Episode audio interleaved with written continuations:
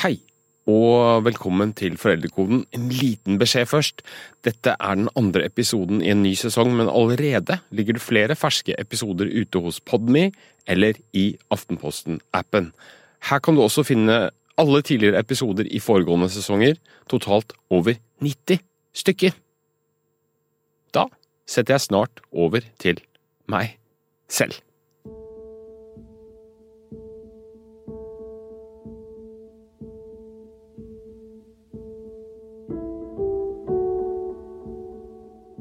Du ser naboens barn klynge seg høylytt sammen med de andre nedover gata, men ingen spør gutten din om han vil være med. Du tror at jenta di ikke har det bra på skolen, men når du spør, så sier hun bare 'det er ingenting'. Du forsøker å få sønnen din med på håndball, på speideren, på kulturskole, på teater, hva som helst, men alt han vil, er å sitte for seg sjøl foran skjermen. Hvilke knapper kan du egentlig trykke på da?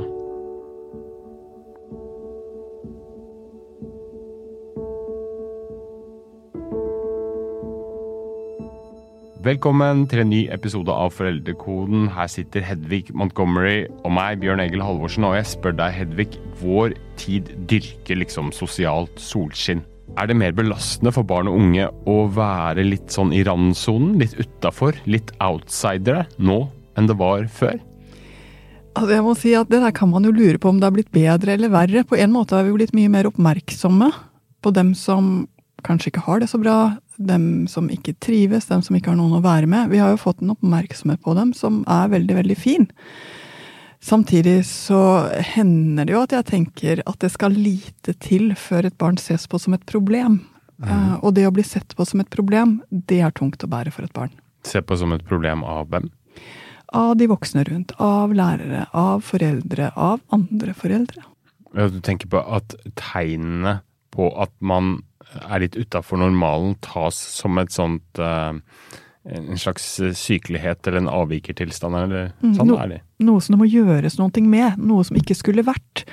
Uh, men barnet er jo, og da er det ganske vanskelig å kjenne på den der at det er helt feil. Men hvorfor er det blitt sånn, da? Jeg tror nok det har med mange gode grunner å gjøre. Mm. Uh, den ene er jo at det å ha barn er veldig, veldig viktig for oss. Det å være foreldre, det at det går bra med barna våre, Eh, det har nok alltid betydd mye for foreldre, men jeg lurer på om det ikke har gått noen hakk opp. Mm. Eh, det andre tror jeg er at vi faktisk kan behandle mer. Vi har en større forståelse. Vi har mer begreper, mer ord for det å ikke være helt A4. Eh, og også fått en forståelse av at det å fange opp når noe er galt litt tidlig, kanskje ikke vente og vente og vente, at det er en bra ting. Som egentlig er en positiv ting. Det er bare det at for noen, eller kanskje ikke bare for noen, for ganske mange barn, så hjelper det ikke. Fordi de må lære seg å leve med seg selv sånn som de er, uten at det finnes en diagnose for det, uten at det finnes en pille for det, uten at det egentlig finnes noe sånn type behandling. De skal leve i den verden de er i. Men hvis det er sånn at voksenverden kanskje har eh, blitt mer oppmerksom, eller sitter lenger ut på stolen i forhold til å lete etter sånne tegn, det høres ut som det er litt sånn selvforsterkende da. Ja, jeg tror det både er eh, selvforsterkende, altså når du først tar på deg de brillene, mm. så er det klart at da er det mye du ser. Og av og til så tenker jeg også at vi ser ikke engang med briller, vi ser med lupe. Mm -hmm. Vi ser så veldig nøye etter. Hva er tegnene på at barna faktisk er litt utafor, da? Eller er litt outsidere?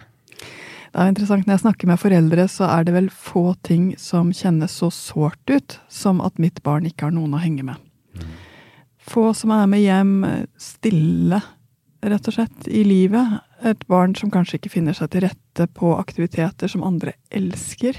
Når jeg sier det sånn, så hører du hvor vidt det er. For dette er jo alt fra barn som er litt sjenerte, og som kanskje trenger litt eh, hjelp til å komme utpå. Litt sånn ut, lokkes utpå. Mm til barn som har eh, rett og slett ikke de sosiale evnene ennå, har ikke helt skjønt hvordan man leker med, har ikke helt skjønt hvordan man får dette til å skli. Til barn som har en umodenhet som gjør at de ikke helt passer inn i aldersgruppen sin ennå, eller ligger for langt foran. Kan være begge delene. Det kan være barn som er engstelige, og som eh, ser katastrofer komme utrolig lett, og derfor unngår alt som kan bli en katastrofe.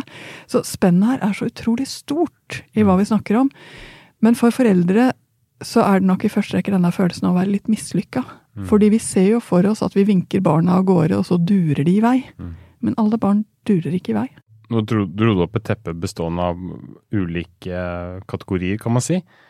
Fins det et sånt slags multiverktøy for å, for å få de litt mer i gang og, og få de litt mer eh, fart i de ute blant folk? Det er vel få ting vi så gjerne skulle ønske oss som det multiverktøyet. Mm. Eh, og svaret på det er egentlig litt grann ja, jeg tror det er det. Fordi det begynner med noen ting, og det er å se at hvordan er mitt barn? Altså se etter det barnet liker å gjøre, finne ut hva det er for noen ting han eller hun faktisk interesserer seg for. Så mitt første råd er alltid ok, men hvem er dette? Begynn å se på barnet på ekte. Hva liker hun å se på på YouTube? Hva er det han gjør for noen ting når han kommer inn i et rom og det er flere forskjellige valg? Hvor går han henne? Hva liker eh, barnet ditt å snakke med deg om når dere er ute og går en tur sammen? Hva, hva er det som skjer når eh, det er fritt spillerom, rett og slett, for barnet? For akkurat det er det viktigste stedet å begynne. Hva er det for noen ting? Hvem er dette barnet sånn som han eller hun er? Og så er det andre enn det er hva får dette barnet til å le? Mm. Hvis du vet litt om humoren, så vet du mye mer om hva det er for noe som kobler barnet opp mot andre. Mm. Så let etter den der. Er det slapstick-humor? Er det humor som handler om at ting har gått uh, Er uventet? Er det litt uh, ordspill? Altså, hva, hva, er det for noe som får frem smilet? For akkurat det er helt avgjørende for å få en idé om hvor kontakten ligger henne. Mm, jeg, jeg, jeg. Hvorfor er det så viktig? da? Det er veldig veldig interessant, dette her, men tenk på det når du er på fest. Det er jo ingen fester du føler deg så bra på som når du går hjem og har ledd sammen med de andre der. Mm. Når du føler at de andre lo av dine vitser, og så fortalte ting tilbake igjen som fikk deg til å smile. Det er jo det som får deg til å føle at du virkelig har vært sammen med noen. Det å dele en latter eller dele et eh, sånn humorøyeblikk er kanskje den raskeste måten å vise noen at jeg både forstår deg og liker deg. Mm. Så det er, på mange måter så er humor hurtiglimet mellom oss mennesker.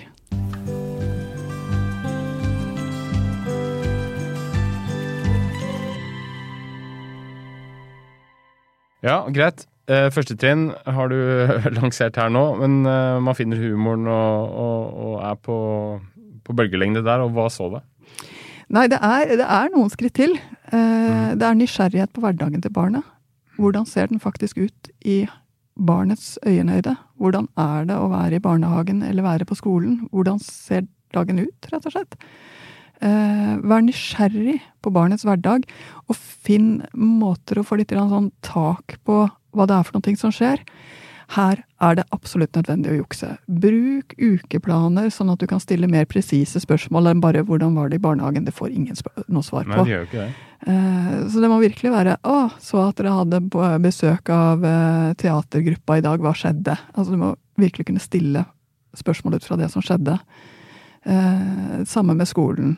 Å ja, så at dere hadde idrettsdag, eller at det var mat og helse i dag. Hva skjedde? Mm. Vi må liksom koble det på noen ting. Du spisser spørsmål først, og så åpner du opp? Helt riktig. Okay. For først må barnet høre sin egen stemme si noen ting som gir mening. Da er det mye lettere å snakke videre. Barn snakker rett og slett fordi de får det til. Eh, men hvis den første spørsmålet de får er så stort og så umulig å svare på, så kjenner de bare at de visner, og da, da kommer det ikke noe mer. Så begynn med det spissa, og så åpner det opp for større. Men vær nysgjerrig på ekte. Ok, hvordan er det å være deg der hvor du er når jeg ikke ser deg? Det er det du lurer på. Men det er jo ikke nødvendigvis lett å få tilgang likevel? Kjempevanskelig. Og barn snakker i 30-40-50 sekunders bolker om meningsfulle ting. Eller tre. Eller tre. Eh, så en av de største fiendene når vi driver med dette her, det er jo nettopp at vi blir så ivrige at vi mm knuser barnet i en forhørssituasjon. Mm. Vi vil vite alt. Vi setter strålekasterlyset på dem og, og, stiller kanskje til og med spørsmålstegn ved det de svarer, og syns ikke det er bra nok svar. Ja, da får du ingenting mer. Mm. Så dette er en tålmodighetsprøve som handler om å samle små biter av informasjon om hvordan det er. Mm. Små biter og små øyeblikksbilder som du så kan legge som et puslespill. Du skal ikke få den store praten eller det store bildet på én gang. Nei. Eh, men rent konkret, hvordan skal vi da gå til verks? Hvis du mistenker at du har barn som mistrives på skolen fordi de, de er aleine i friminuttene og, og, alt sånt nå, så har du kanskje snakka med skolen, og så har du fått sånn jaha, jo, kanskje det, vi skal følge litt med og sånt nå. Men så ser du at barna har det dårlig da. Så kommer de hjem, og du har bestemt deg for at du har lyst til å prøve å finne litt mer ut av hva dette handler om, og, og hvorfor det har blitt som det har blitt. Hvordan kan man gå fram da? Altså, Vi ligger omtrent og slurer her. Små, fine øyeblikk hvor du får vite litt, gjør at barnet føler seg tryggere. Og vær klar over én ting. Når barn ikke føler at de har det helt bra ute, så trenger de enda mer å føle at de har ålreit og fritt hjemme. Så den kontakten som blir i disse små øyeblikkene, betyr enda mer. Og jeg tenker nesten på det som mikromøter, hvor barnet får varme seg, for så å kunne fungere igjen. Mm. Så det er en slags ladesituasjon, mm. uh, hvor du både gir en forståelse uh, og en uh, kunnskap om barnet, at du faktisk aksepterer det, mm. som gjør at barnet har det litt lettere med å være seg selv etterpå. Mm. Så det er heller de små øyeblikkene av den lille praten, og det er, de, det er de jeg ser etter. Jeg ser ikke etter den store samtalen. For jeg ser jo også etter at når du har litt armene rundt hvem dette barnet er, så er det også litt lettere å finne ut av hva er et ålreit miljø på det for deg, hvor kan det finnes folk som deg. Og noen ganger så er det på nett, altså rett og slett å vise frem 'Å, har du sett han som lager disse tegnevideoene?' Eh, og andre ganger så kan det være 'Du har lyst til å prøve jeg vet at det finnes eh, en gruppe hvor de spiller sånne spill. Mm. Uh, nei, det er ingen fra skolen din der, men det er mange andre barn. Altså rett og slett se etter Finnes det noe sted hvor du ikke er så alene med å være sånn? Ja, for jeg skulle til å si det. altså Rent konkret eksempel, som jo går på noe annet enn hvordan man er i, i et skolemiljø, f.eks., er jo det der med fritidsaktiviteter som jo er sentralt for mange, hvor, som er en arena hvor man knytter kontakter og, og, og, venner, og kanskje fra andre um, skoler og, og sånt. Og slik sett så utvider man jo kretsen sin. Eh, men hvis fotball, da, som er et sånn typisk nærliggende eksempel, eller håndball, da. Hvis alle i klassen holder på med det, men barnet ikke vil eller liker det ikke, eller syns det blir for voldsomt, eller Hvordan skal man liksom hjelpe de over i andre steder? Ja, For det der er jo helt sikkert. I hver eneste klasse så er det minst én og opptil fire som absolutt ikke kan tenke seg å gjøre den der hovedaktiviteten. Mm -hmm. Helt vanlig. Eh, det er han som står på midtbanen med trøya over hodet og ikke skjønner eh, at ballen er noe man skal jakte etter. Virker som et helt mysterium. Eller det er hun som eh, bare viser overhodet ingen interesse for å begynne på den håndballen eller gjøre det samme som resten i jentegruppa. Det finnes i hver eneste klasse. Det er bare at han eller hun er interessert i noe annet. Vi vet ikke hva ennå. Og det å begynne å finne ut av det og nøste etter det, er det første vi kan gjøre. Og er du heldig, så bor du jo et sted hvor det er et ganske rikt utbud av fritidsaktiviteter. Dvs. Si at det går an å dra ikke så forferdelig langt. Og så finnes det noen som danser hiphop, eller hva det nå kan være for noen ting. Mens andre steder så er det rett og slett ikke sånn det fungerer. Det blir for langt å reise, og det er ikke noen mulighet for å øh, for å komme inn i en sånn gruppe som er sånn rimelig i nærheten. Men der må jeg faktisk si at internett har vist seg å være en ganske fin ting. Mm. Fordi det er eh, en eh, Det viser i hvert fall frem at det finnes andre der ute. Jeg vet ikke om det stemmer, men man kan vel da tenke seg at der hvor det føles som om dette med litt utenforskap blir ekstra svært, er jo i tenårene. Og, og der er jo gjerne nettverkene kanskje litt mer lukka. altså Man har ikke helt tilgang og har ikke helt innsyn, og det er vanskelig å få greie på hva dette her handler om osv. Hvis man har om, bar, mistanke om, eller vet at barna er frosset ut eller utstøtt, hvordan kan man liksom tre inn i den verden for å prøve å hjelpe de inn, da? Den tenåringstiden handler jo litt om å lete etter meg sånn som jeg er. Og det blir ganske tydelig for en del barn og ungdommer i denne tiden at det er ikke sånn som alle andre. Et eller annet er litt annerledes. Et eller annet er vridd litt annerledes hos meg. Om det er eh, interessene mine, om det er identiteten min, om det er seksualiteten min, om det er interessene mine Det kan være så mye. Men det er lett å gå i en sånn utenforskapsspinn mm -hmm. tidlig i tenårene. Det vil si at barnet tar seg lengre og lengre og lengre bort fra de andre. Og det er klart det er et litt ensomt sted. Jeg tror da som forelder at det er to ting det virkelig er viktig å være klar over. Det ene er at du betyr fortsatt mye. Hvis du er den eneste som kommer med det varme, daglige smilet og kan lokke ut et lite smil tilbake igjen, så er det enda mer verdifullt enn det er i andre familier.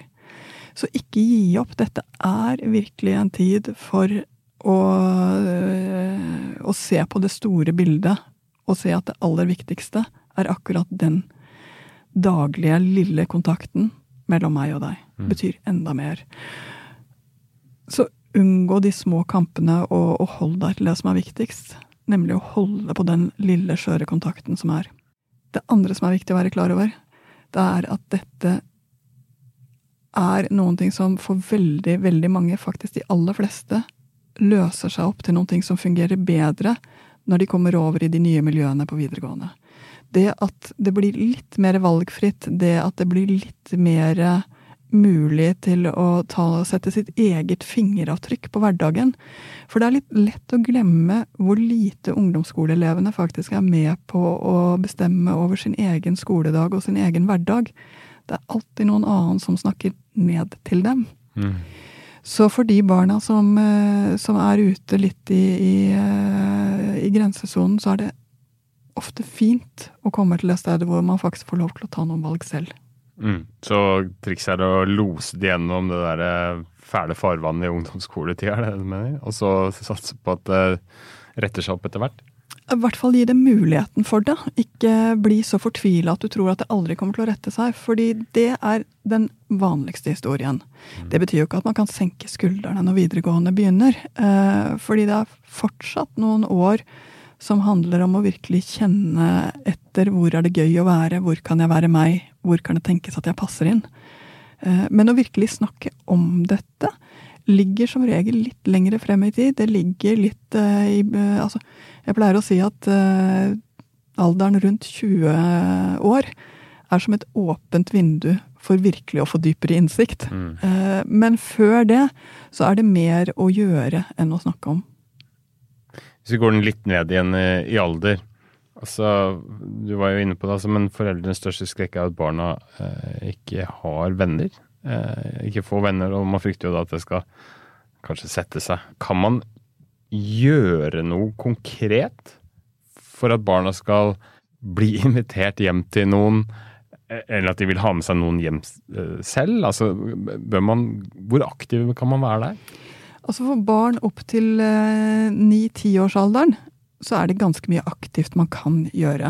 Eh, Det vil si at det å invitere hjem barn du kanskje ikke har lekt med, er faktisk en ålreit idé. Eh, Det å oppsøke andre steder hvor det er barn som, som driver med et eller annet som ditt barn kan være med på, kan fungere ganske godt at du bestemmer. Men fra ni-tiårsalderen så endrer det seg. Da er det mye mer begrenset hvor mye du kan bestemme som voksen over hvem barnet er med. Men du kan hjelpe barnet til å finne ideer til ting som er ålreit. Sånn at der har bare rollen endret seg litt. Men jeg tror det som er viktig å være klar over også, det er at nettopp for de barna som kanskje ikke trenger så mye sosial aktivitet, for det kan faktisk være, de barna som ikke søker de mest sånn eh, sosiale dansestedene, for de finnes absolutt, men også de trenger å touche innom fellesskapet. Så jeg tenker at det å holde på fellesbursdager, holde på at det er noen sånne felles ting som skjer i klassen hvor alle er med, det skal man gjøre i hvert fall ut barneskolen. Mm. Eh, og faktisk gjerne litt lengre også. Det å oppmuntre og bidra til at skolen har en klubb som fungerer, eller har møtestedet møtesteder hvor barn kan være, hvor det er trygt, eh, det tror jeg er noe vi foreldre faktisk kan gjøre mer av enn det vi gjør akkurat nå. Fordi vi er med på å lage det miljøet som barna er i. Ja, hvor langt opp syns du da at man skal holde på dette? Skal man gå inn og liksom orgie felles bursdag helt opp til de liksom blir 15-16 år? Eh, ideelt sett, ja ja. Eh, tror jeg du kommer til å få det til? Nei, nei. Eh, det tror jeg jo ikke. Eh, jeg tror at eh, det er et eller annet knekkpunkt i overgangen til ungdomsskolen eh, hvor din mulighet til å stå opp i, i foreldremøtene og si at alle barna må inviteres på alt, rett og slett er over. Men når det er sagt, så kan det fortsatt være at din mulighet til å bidra til at det finnes en ungdomsklubb, at det finnes voksne der som er ålreite. At det finnes eh, At barnet ditt syns det er ålreit å ha med én eller to kanskje hjem innimellom. Det er ting du fortsatt kan gjøre. Eh, og det betyr også lag et hjem hvor det er fint å ha med seg noen. I denne alderen her handler jo det veldig mye om å ikke kritisere verken ditt eget barn eller barnets venner når de er på besøk.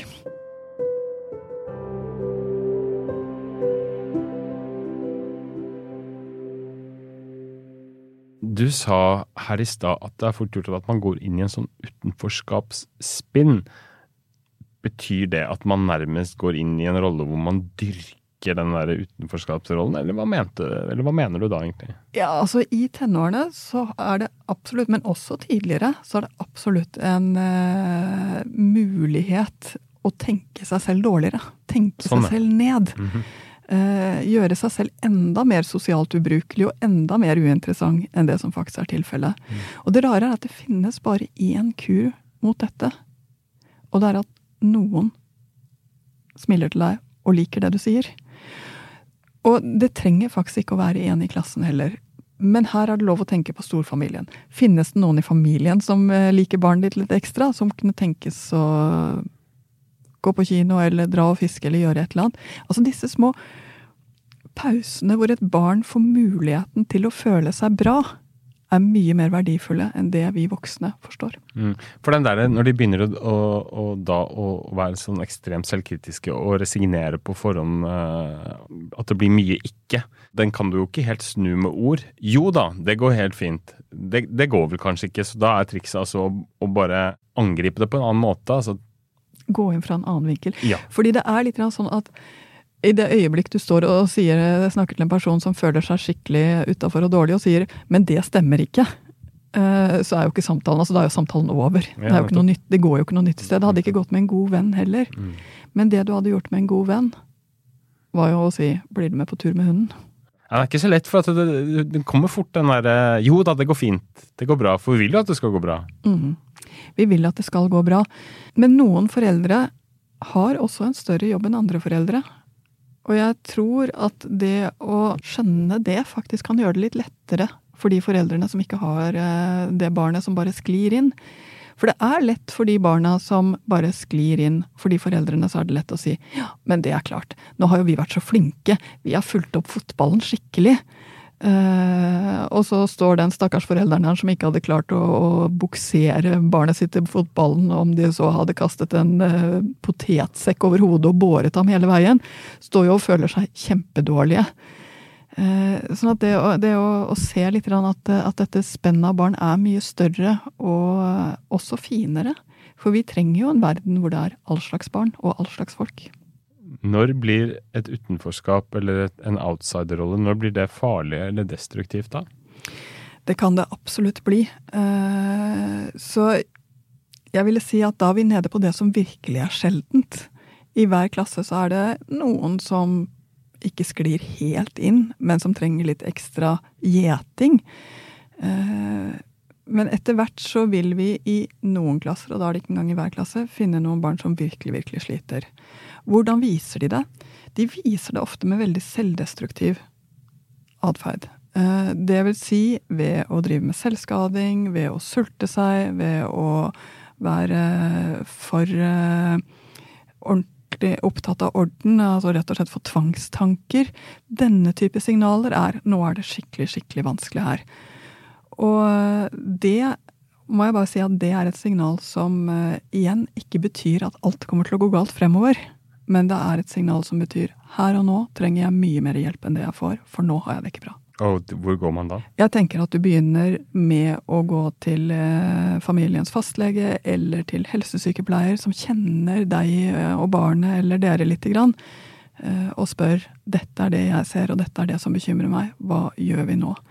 Fordi det finnes hjelp, eh, og det er i hvert fall noe som eh, du må prøve å ikke stå så alene med som forelder.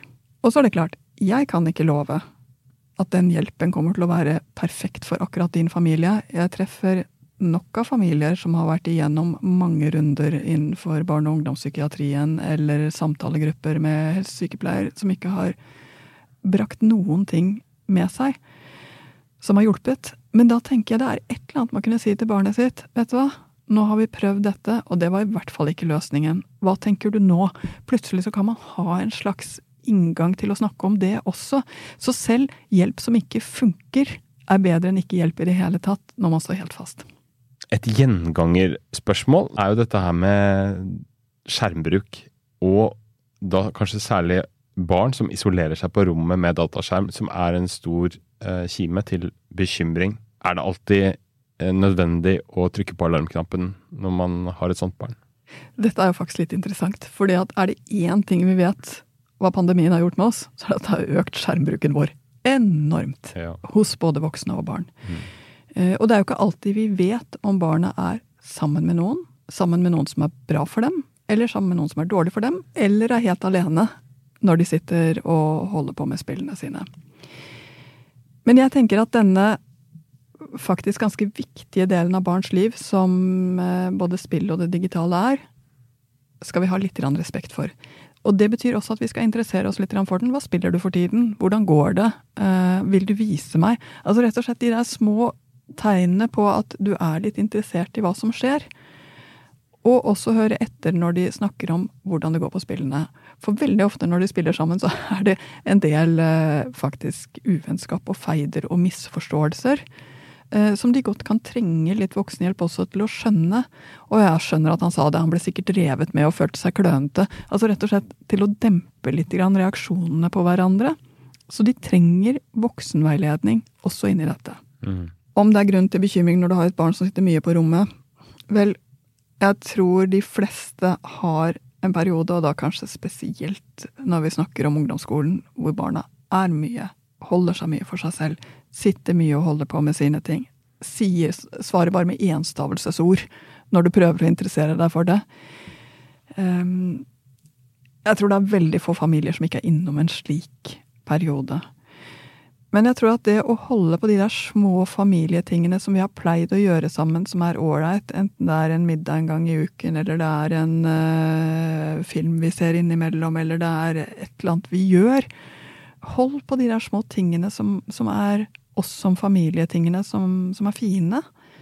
Også gjennom denne tiden her. Og ikke glem dette her at det hjelper i hvert fall ikke å si 'du sitter på skjerm hele tiden', 'jeg skjønner ikke hvordan du orker, jeg blir sliten bare av å se deg'. Altså, det er rett og slett å dytte inn i skjermen. Eh, Du må vise at det er noe annet her ute som det går an å, å drive med. Hvis du skal komme med et sånt kjernebudskap til slutt, da, til foreldre som har barn de frykter er litt på sida, eller vet at de er litt på siden, hva vil det være da, for å fange de godt opp? Mitt aller første råd er bli kjent med barnet ditt sånn som han eller hun er først. Det vil si skru på nysgjerrigheten, og skru på eh, interessen for, eh, for eh, hvem dette er.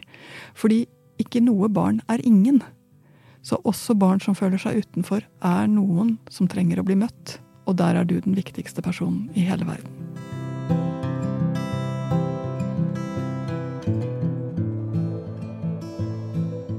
Neste episode skal vi snakke om besserwisserne blant oss. Du veit, de som alltid tror de vet best om hvordan oppdra akkurat ditt barn. Eksempel besteforeldre.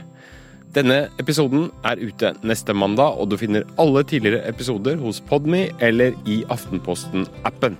Du kan også gå inn på ap.no slash foreldrekoden.